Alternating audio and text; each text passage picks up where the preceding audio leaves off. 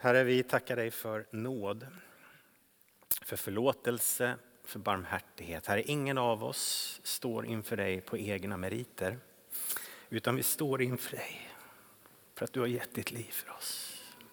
Herre, tack att det står ett kors i historien. Och det står där för varje människa, alltid.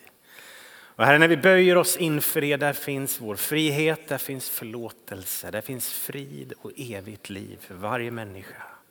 Tack att det är lika sant idag. I Jesu namn. Amen. Amen. Varsågod och sitt ner. Innan vi går in i predikan så ska vi be lite till. Ehm,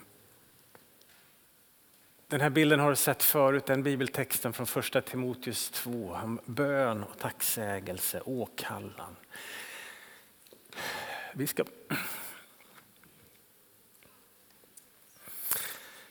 Vi ska be för människor som firar gudstjänst i skyddsrum idag.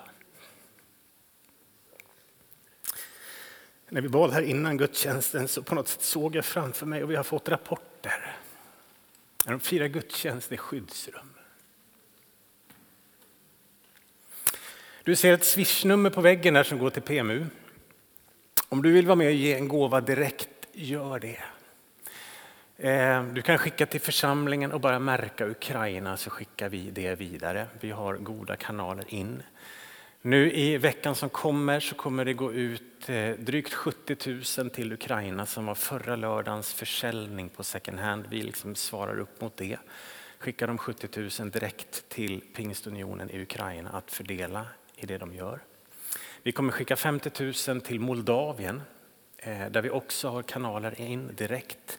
De tar emot enorma mängder flyktingar och även i Rumänien har vi sett bilder. Kamenol Felix tar emot och så mycket barn och flyktingar som kommer. Så vill du vara med och göra ditt så skänk pengar. Eh, jag hade ett par stycken från oss som var med på en Moldavien-dag förra helgen och Viktor Pavlovski som är, eh, eh, han är biskop i Pingstunionen i Moldavien. Han sa så här, kom inte hit, vi vill inte ha volontärer, vi vill inte ha grejer, men skicka era pengar för att de har folk så att det räcker och allting går att köpa som de behöver för att hjälpa människor. Så att eh, eh, ge av det du har. Som sagt, skicka via PMU, skicka till församlingen så skickar vi det vidare. Det kommer till god hjälp. Och nu ska vi be. Eh, Walter eh, har kommit hem från, du var i Ukraina för Sex veckor sedan kom du därifrån. Någonting. Säg bara någonting kort om det så leder oss i bön sen. Yes. Eh, jag kommer då från... Ja, den ska vara på. kommer från Ukraina, har varit där eh, i två månader, fick vara i en krigszon nära Donetskregionen där eh, den ryska, Ryssland har ockuperat en del av Ukraina. Fick vara i Mariupol, en stad som just nu är belägrad. Folk får inte komma ut från landet, flyktingar får inte gå därifrån fick vara i Kiev och fick se de här kyrkorna, församlingarna och verksamheterna som är så aktiva där. Kyrkan är så levande i Ukraina eh, och det var så fantastiskt att se eh, de här människorna som bara fick ge sitt liv och bara tjäna folk. Och bara 24 dagar efter att vi lämnade landet invaderade Ryssland och eh, har fått konstanta nyhetsflöden från, från mina vänner där, folk som jag, som jag träffade och fick skaffa band med. Eh, hur de antingen är på flykt eller hur de tar in flyktingar till sina läger. Vi har hört så mycket mirakel, Gud gör så mycket, våra böner funkar. Mm. Det var ett ställe vi stannade på där fem kilo pasta räckte till hundra människor. Gud gör multiplikationsunder. Mm. Det är missiler som försvinner från himlen. Mm. Det är, alltså Gud gör galna saker för att vi ber. Eh, och det är så fantastiskt. Och fortsätt be det gör stora saker. Eh, skänk pengar, gör vad som helst. Mm. Alltså det, är, det är en sån kris, folk är så utsatta. Mm. Det är miljontals flyktingar som flyr till länder runt om yes. och det är bara så utsatt. Så, yes. eh, om vi alla kan ställa oss upp så bara ber vi yes. tillsammans för Ukraina. Mm. Be stora böner och förvänta er att Gud gör saker, för han gör det och det är så mäktigt. Mm. Halleluja. Så Gud, vi bara, vi bara tackar dig för det du gör i Ukraina just nu. Vi bara tackar dig för människorna där som tjänar och kyrkorna där som står i flyktingläger eh, eller som ger mat och tar hand om flyktingar, folk som flyr, folk som är utsatta, soldater som, som är trötta och sårade Gud. Vi bara lägger det i dina händer Gud. Vi ber om att du ska göra mer mirakel i Ukraina just idag. Vi ber om att du ska göra mer mirakel på frontlinjen bland militären Gud. Vi ber om att det inte ska vara så många mer dödsfall Gud. Jag ber om att du ska skydda människor. Jag ber om att missiler ska sluta funka. Ber om att missiler ska försvinna. Ber om att mat ska komma till de människor som behöver. Ber om att du ska ta hand om ditt folk i Ukraina. Jag ber om att du ska skicka resurser. Ber om att du ska skicka människor, kläder, eh, pengar, eh, värmekuddar. Allt vad det är folk behöver Gud. Jag bara ber om att du ska skicka det till de platserna där det behövs som mest Gud. Så bara lägger allting i dina händer. Bara ber om att du tar hand om folk. Jag ber om att du ska hela folk i Jesu namn. Och bara ber om att du ska, du ska på något vis ta bort den, den rädslan som finns i människors hjärtan Gud. Och, och bara ber om att din, din, din nåd och din eh, Ja, men din frid ska komma och falla över människor Gud, att de ska få känna sig trygga, att de ska få kunna sitta i sina, eh, sina bunkrar där de skyddas. Och de ska bara få kunna lovsjunga, de ska få ha radikala möten med dig Gud, de bara ska få känna sig så, så träffade, de ska få erfara mirakel som händer dem, inte någon annan Gud. Jag bara ber om att du tar dem, vi lägger deras liv i deras händer och bara ger det till dig och säger att du är kungen över alla krig, du är kungen över Ukraina, du är kungen över Ryssland Gud. Jag ber om nåd för ryssarna, jag ber om nåd för dem människorna som inte vet vad de gör, de soldaterna som är så förvirrade, som inte, som inte vet vad de går in i Gud. Jag bara ber om att det ska vara ett band mellan Ukraina och Ryssland, att de inte ska vara arga på varandra utan att det här ska få vara någonting som, eh, att de ska kunna förlåta varandra, att de ska få bli goda vänner Gud. Vi ber för goda relationer för de här två nationerna Gud. Vi bara lägger hela den här konflikten i dina händer och bara ber att du ska fortsätta verka. I Jesu namn. Halleluja. Halleluja. Herre, vi ber för varje plats Både i Ukraina och Ryssland man firar gudstjänst den här dagen. Man vänder blicken till sin rättmätige Herre. Man lyfter blicken mot ett rike som är större. Herre, rikta blicken mot en Gud som gav sitt liv för att vi skulle få liv. Herre. Jag ber dig Gud att du välsignar ditt folk. Kom med nåd, kom med barmhärtighet, kom med kraft. En frid som övergår allt förstånd. Och Herre, att de får vara med och ge hopp in i människors liv och göra gott. Herre, du som älskar varje människa, som ser varje människa, som hör varje människas rop.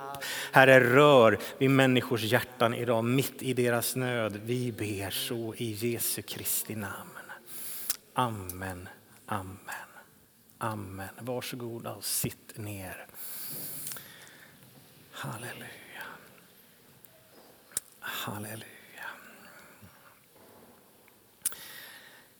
Församlingen, vi sitter ihop. Jag ska tala om församlingen idag. Det skulle jag kunna göra nästan varje söndag, men det är ju tur för er att jag inte gör det. Men idag ska jag göra det. Eh, och just det här att vi sitter så ihop. Det finns någonting eh, stort och viktigt. Det finns ett signum för de kyrkor som har kallats frikyrkor. Idag i Sverige har vi ju ingenting annat sedan millennieskiftet. Men de kyrkor som bröt sig ur statskyrkosystemet för 150 år sedan ungefär, eh, där man betonade den personliga tron. Min relation med Jesus. Det är inte bara ett, ett system eller kyrkans tro utan det är min tro på Jesus som är viktig. Så det är ett, ett arv på något sätt som vi bär med oss som har varit och är viktigt idag. Men det finns ju en risk och kanske ännu mer i vår tid där Eftersom vi lever i ett så superindividualistiskt samhälle, alltså allting fokusen mot jag, mig och mitt, att även tron då inte bara blir personlig utan den blir privat och inåtvänd. Och eh, det här kan ju innefatta både vad jag tror på, alltså själva teologin, innehållet. Där jag kanske i ännu högre utsträckning än tidigare plockar lite grann vad jag tror på nu, vad som passar mig. Ja, men nu tror jag på det, det här passar in. Och så väljer jag ganska mycket. På ett sätt så gör vi väl det allihopa lite till mans, men att det är ännu mer utpräglat idag. Och det som Judas säger i sitt brev, han talar om den tro som en gång för alla har överlämnats åt de heliga är ganska långt borta. Utan nu är det jag plockar där, jag plockar där, det där väljer jag bort. Till att också innefatta själva syftet, själva poängen med tro. Vad är poängen? Ja, men det är väl för att jag ska må bra. Nej, men det är så lätt att hamna där. Att tron handlar om att alltså den finns där för att hjälpa mig, för att jag ska må väl. Och jag menar så att vi gör oss själva en björntjänst när tron blir inåtriktad och siktar på mig. Eh, vi förlorar det vi själva verket är ute efter. Att när jag försöker göra tron till grejen som ska få mig att må bra, det ska lyfta mig, då förlorar vi det i samma ögonblick. Och alltså livet, livet krymper när det blir självcentrerat inåtvänt och tron krymper när den blir självcentrerad. Alltså, en pusselbit, den är ju inte så vacker. Den gör ju inte så mycket skillnad. Det är liksom bara, ja här är en pusselbit. Vad är poängen? Och ser du inte det här så har du två större. Liksom, vad, hur sitter de? Vad, vad, ska det bli för något? Jag menar, en pusselbit är inte så mycket att hurra för. Utan att det finns andra pusselbitar att förhålla sig till i detta som vi kallar för livets pussel. Och här finns en pusselbild som kallas församling, som kallas kyrka som kallas Guds folk, Guds kropp, som kallas Guds hus. Ja, men kärt barn har många namn. Det finns en mängd beteckningar, namn på detta i Nya Testamentet. Och Pernilla var inne på det här förra söndagen, att när jag blir ett Guds barn, när jag säger Jesus, jag vill leva med dig, förlåt mig, kom in i mitt liv. Bam! Där blir jag ett Guds barn. Men grejen är att Gud har många barn. Så det blir att jag får en massa syskon. Jag blir en del av en familj som är kyrkan. Och det är i den här bilden som heter kyrkan, där passar den här biten in och får sin funktion och på något sätt sin skönhet. För församlingen är ju inte min. Två bibelord. Jag ska bygga min församling. Och det var inte Jörgen som sa det, utan det var Jesus som sa det. Paulus säger att han är huvudet för sin kropp, församlingen. Församlingen är Guds. Det är han som har tänkt ut, det är han som har målat. Och här finns den här pusselbiten som heter Jörgen och som heter Ester och som heter Ingvor och Linda och allt vad du heter som passar in och pusselbiten får sin funktion och sin skönhet. Och för att det är så så ska vi ändå börja med att säga så här att församlingen är för dig. Ja, så är det. Församlingen är till för dig. För att du ska växa som människa i din tro och allt möjligt. Den finns för vårt beskydd. Det finns många texter i Nya Testamentet som lyfter fram det här. Församlingen, ja, det är till för dig. Den gör någonting i ditt liv. För att du och jag ska få liksom tjäna i våra gåvor och växa i det och allt möjligt. Få den här uppmuntran av varandra. Eh, vi ska läsa en text senare som talar om att förståelsen av vem Gud är, av hans nåd och kärlek, den blir större i församlingen. Så församlingen, Jag är till för dig. Men nu borde du vara lite förvirrad, för jag talade om att det var en björntjänst liksom att ha den riktningen. Men försam det var ju inte till för mig. Jo, det är det. Men poängen är ska vi säga, ordningen och fokuset på det hela. Eh, vi har två, har vi tre fruktträd hemma? Britta, vart är du någonstans? Där, vi har tre va? Ja. Eh, Britta hon tycker att det är roligt med trädgård och hon har gått någon sån här beskärarkurs och är ganska duktig håller på och jag är jätteduktig på att äta äpplena. Eh, om man vill ha frukt på ett träd så fokuserar man ju inte på frukten.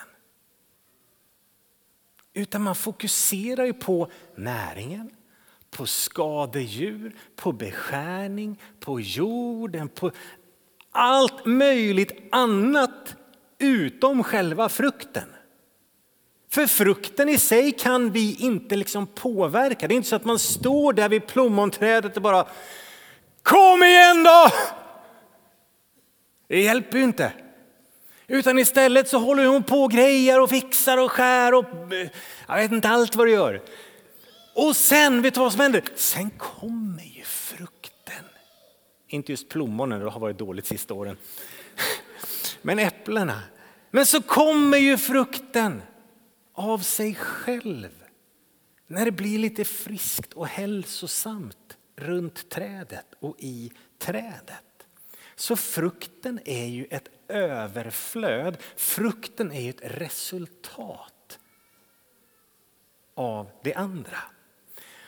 Och här kan vi tala om att församlingen in i mitt liv, in i ditt liv, gör det gott. Absolut, den frukten finns rikligt. Men det är inte det som är fokuset. Vi har Jesus som ett exempel, en fantastisk text från Filipperbrevet 2. Var istället ödmjuka och sätt andra högre än er själva. Se inte till ert eget bästa utan, tänk, utan också till andras. Var så till sinnes som Kristus Jesus var. Han var till i Guds gestalt men räknade inte jämlikheten med Gud som segerbyte utan utgav sig själv och tog en tjänares gestalt och blev människan lik. När han till det yttre hade blivit en människa ödmjukade han sig och blev lydig ända till döden, döden på korset. Och vad står det sen? Därför. Därför har Gud också upphöjt honom över allting och gett honom namnet över alla andra namn. Det där därför är så viktigt. Liksom, varför? Jo, för att han avstod. För att han avklädde sig på något sätt sin gudomlighet. För att han gav sitt liv. Därför har Gud upphöjt honom. Och uppmaningen är ju var så till sinnes som han var. Sätt andra högre än er själva. Och det här är någon slags genomgående genom hela nya testamentet. Att eh, ge upp ditt liv så ska du vinna det. Ge så ska du få. Sök först Guds rike och hans rättfärdighet så ska ni få allt det andra. Att vi får in den den ordningen i våra liv. När jag sätter fokus på mig själv, att liksom frukten ska komma igen då, liksom, nu ska det må gott här och... Nej, då, då, då på något sätt krymper jag i min tro och som människa. Men när jag ser till ett större perspektiv, till andra människor, till att vara till tjänst, till att ge, bam, då händer någonting också i mitt eget liv. Så församlingen är till för dig. Som en frukt kommer det bli. Du är kallad till att leva för någonting större och annat för hans rike och då händer det också i dig. Men det är ju att församlingen är för ett oss, för ett vi, kommer det, för ett oss var det. Det är det som är på något sätt en huvudsaklig punkt i detta. Ett större vi. Vi blir mer tillsammans, kroppen. En av 1900-talets stora filosofer, Martin Buber, han talar om att det centrala i människans liv det är mötet med andra. Att vi blir till i våra relationer. Att jag liksom för mig själv, det fattas någonting tills jag möter dig. Och samma är det med tron. Syftet med tron och hela ditt, ditt trosliv.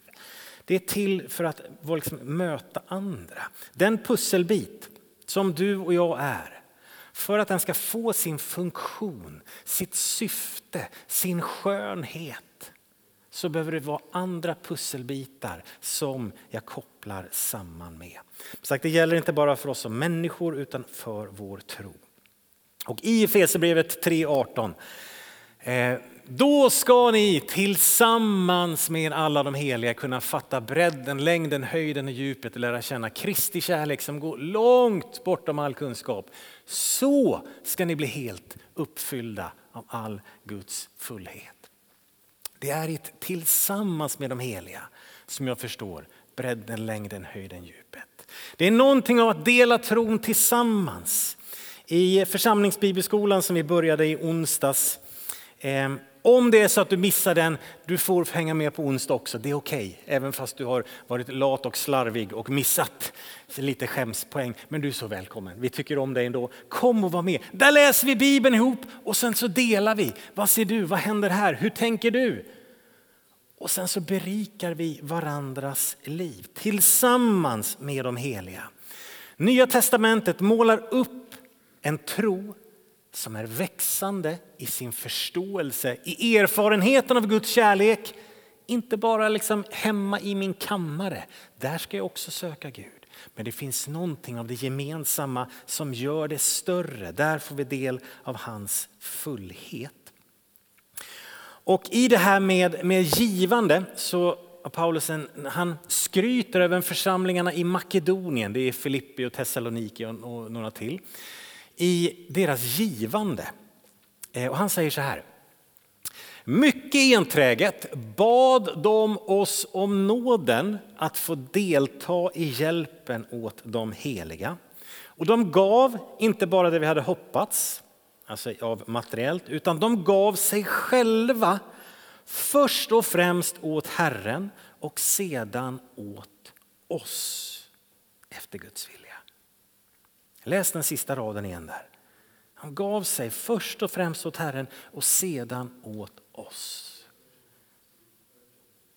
Vi är ju duktiga på att tala om att ge dig till Gud, överlåt dig till honom. Och så kommer Paulus och säger här, gör det, överlåt dig till honom. Och så överlåter dig till oss. Att ge sig själva till en gemenskap. En överlåtelse till ett vi. Det här går ju också lite grann emot vår tid när vi är så mycket av att eh, alltså ha alla dörrar öppna. Alla möjligheter. Jag vill inte binda upp mig här, tänk om det händer någonting roligt där. Ja, men jag kan vara med lite grann, men jag tänker inte gå in i... Ja, men jag kan vara med en gång, men jag vill inte vara med på ett schema. Och, alltså, det här på något sätt, hela vårt samhälle på ett sätt kämpar ju med det här.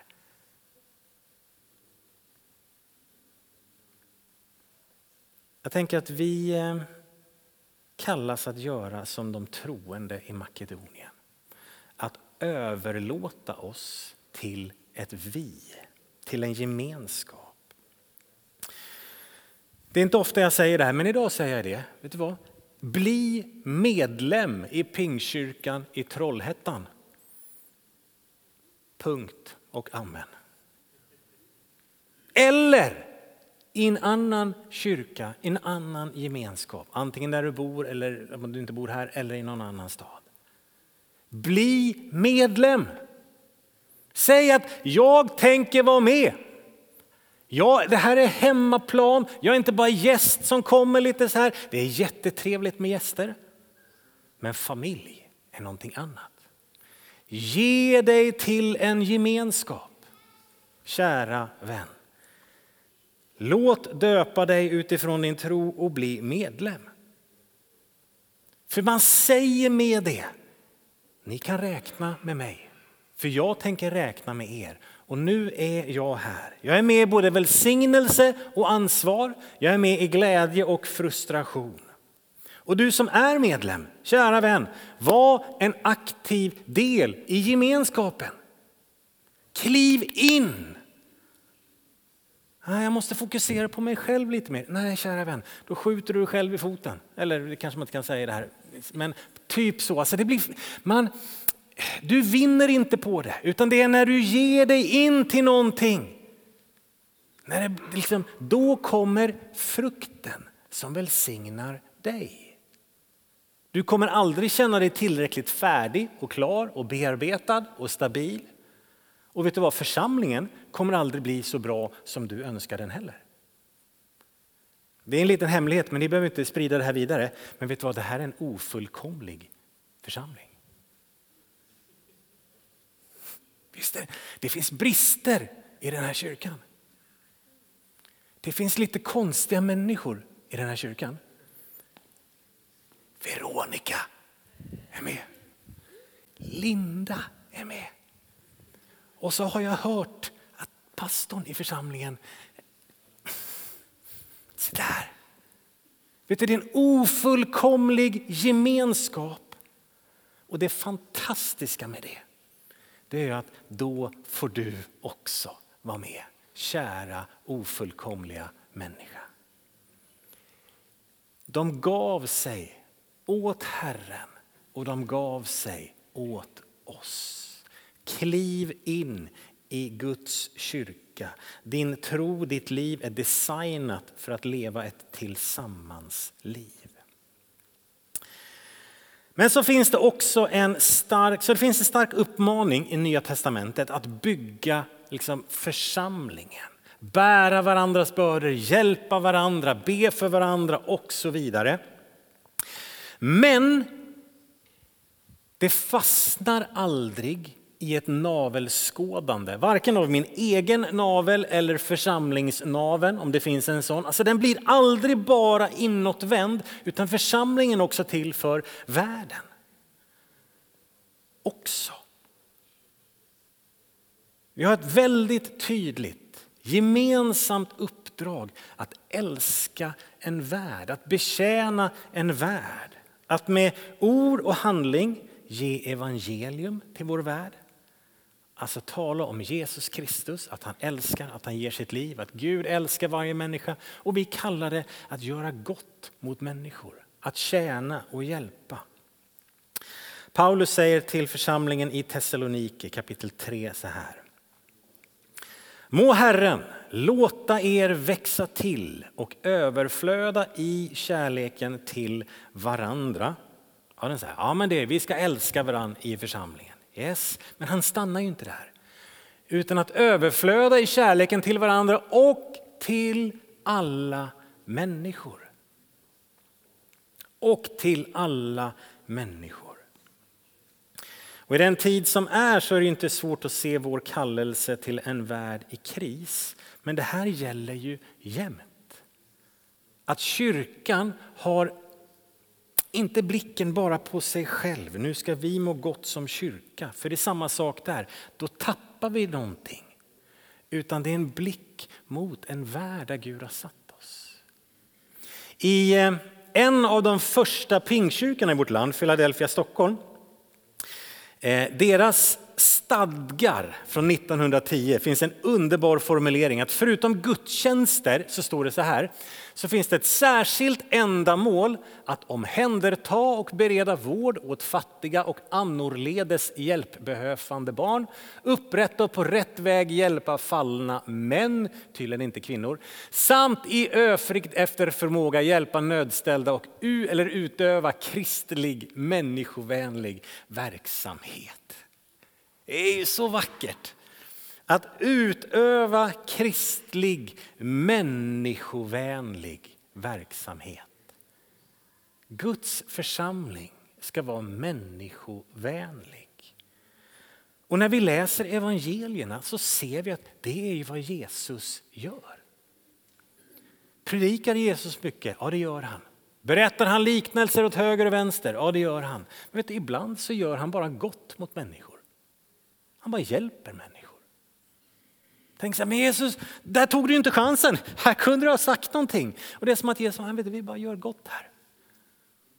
Kan vi läsa flertal eh, bibeltexter om det här att när vi gör gott åt en människa, någonstans vi återspeglar Guds godhet i det här, hans kärlek. För Gud älskar ju varje människa. Vill Gud göra gott mot dig? Ja, det vill han. Vill Gud göra gott mot din granne? Ja, även den sura grannen. Och där kanske han vill använda dig att göra gott in i människors liv. Och det här gör vi ju tillsammans som kyrka och utifrån våra verksamheter. Och en del av det här stora som nu utifrån eh, vår second hand-butik att vi kan ge iväg de här över 170 000 till människor i nöd. Fantastiskt. Men du och jag också enskilt kan ju vara den här grannen som gör någonting, som skjutsar någon, som sitter barnvakt till en ensamstående förälder eller vad det är. Liksom. Nöden har ju många ansikten. Allting är ju inte katastrofer som kommer i tidningen. Så du som pusselbit, min vän, passar in i den här pusselbilden som heter Guds församling, hans kyrka. Och den bilden passar in i en ännu större bild som heter den här världen som Gud har skapat, som Gud älskar och gett sitt liv för. Så, finns det i Guds hjärta en tanke för dig med församlingen? Ja, det gör det. Det här är platsen för dig att växa, blomstra. Du blir välsignad, uppmuntrad, styrkt många olika sätt. Han vill dig gott. Så församlingen är till för dig, min vän, verkligen. Och vägen till det går genom att se bort lite grann från sig själv och överlåta sig till ett vi, till ett oss, till en gemenskap och där vara med och bygga och tjäna och säga att här, jag är med i glädje och sorg, med och motgång. Nu bygger vi tillsammans. Då händer det någonting i mig. Och vi tillsammans har en kallelse att vara med och välsigna vår värld, att göra skillnad i det samhälle vi lever i. Visa på en Jesus Kristus som gav sitt liv för oss, för att han älskar oss alla. Det är vad kyrkan är, för dig, för oss och det är vår kallelse i den tid som är. Amen.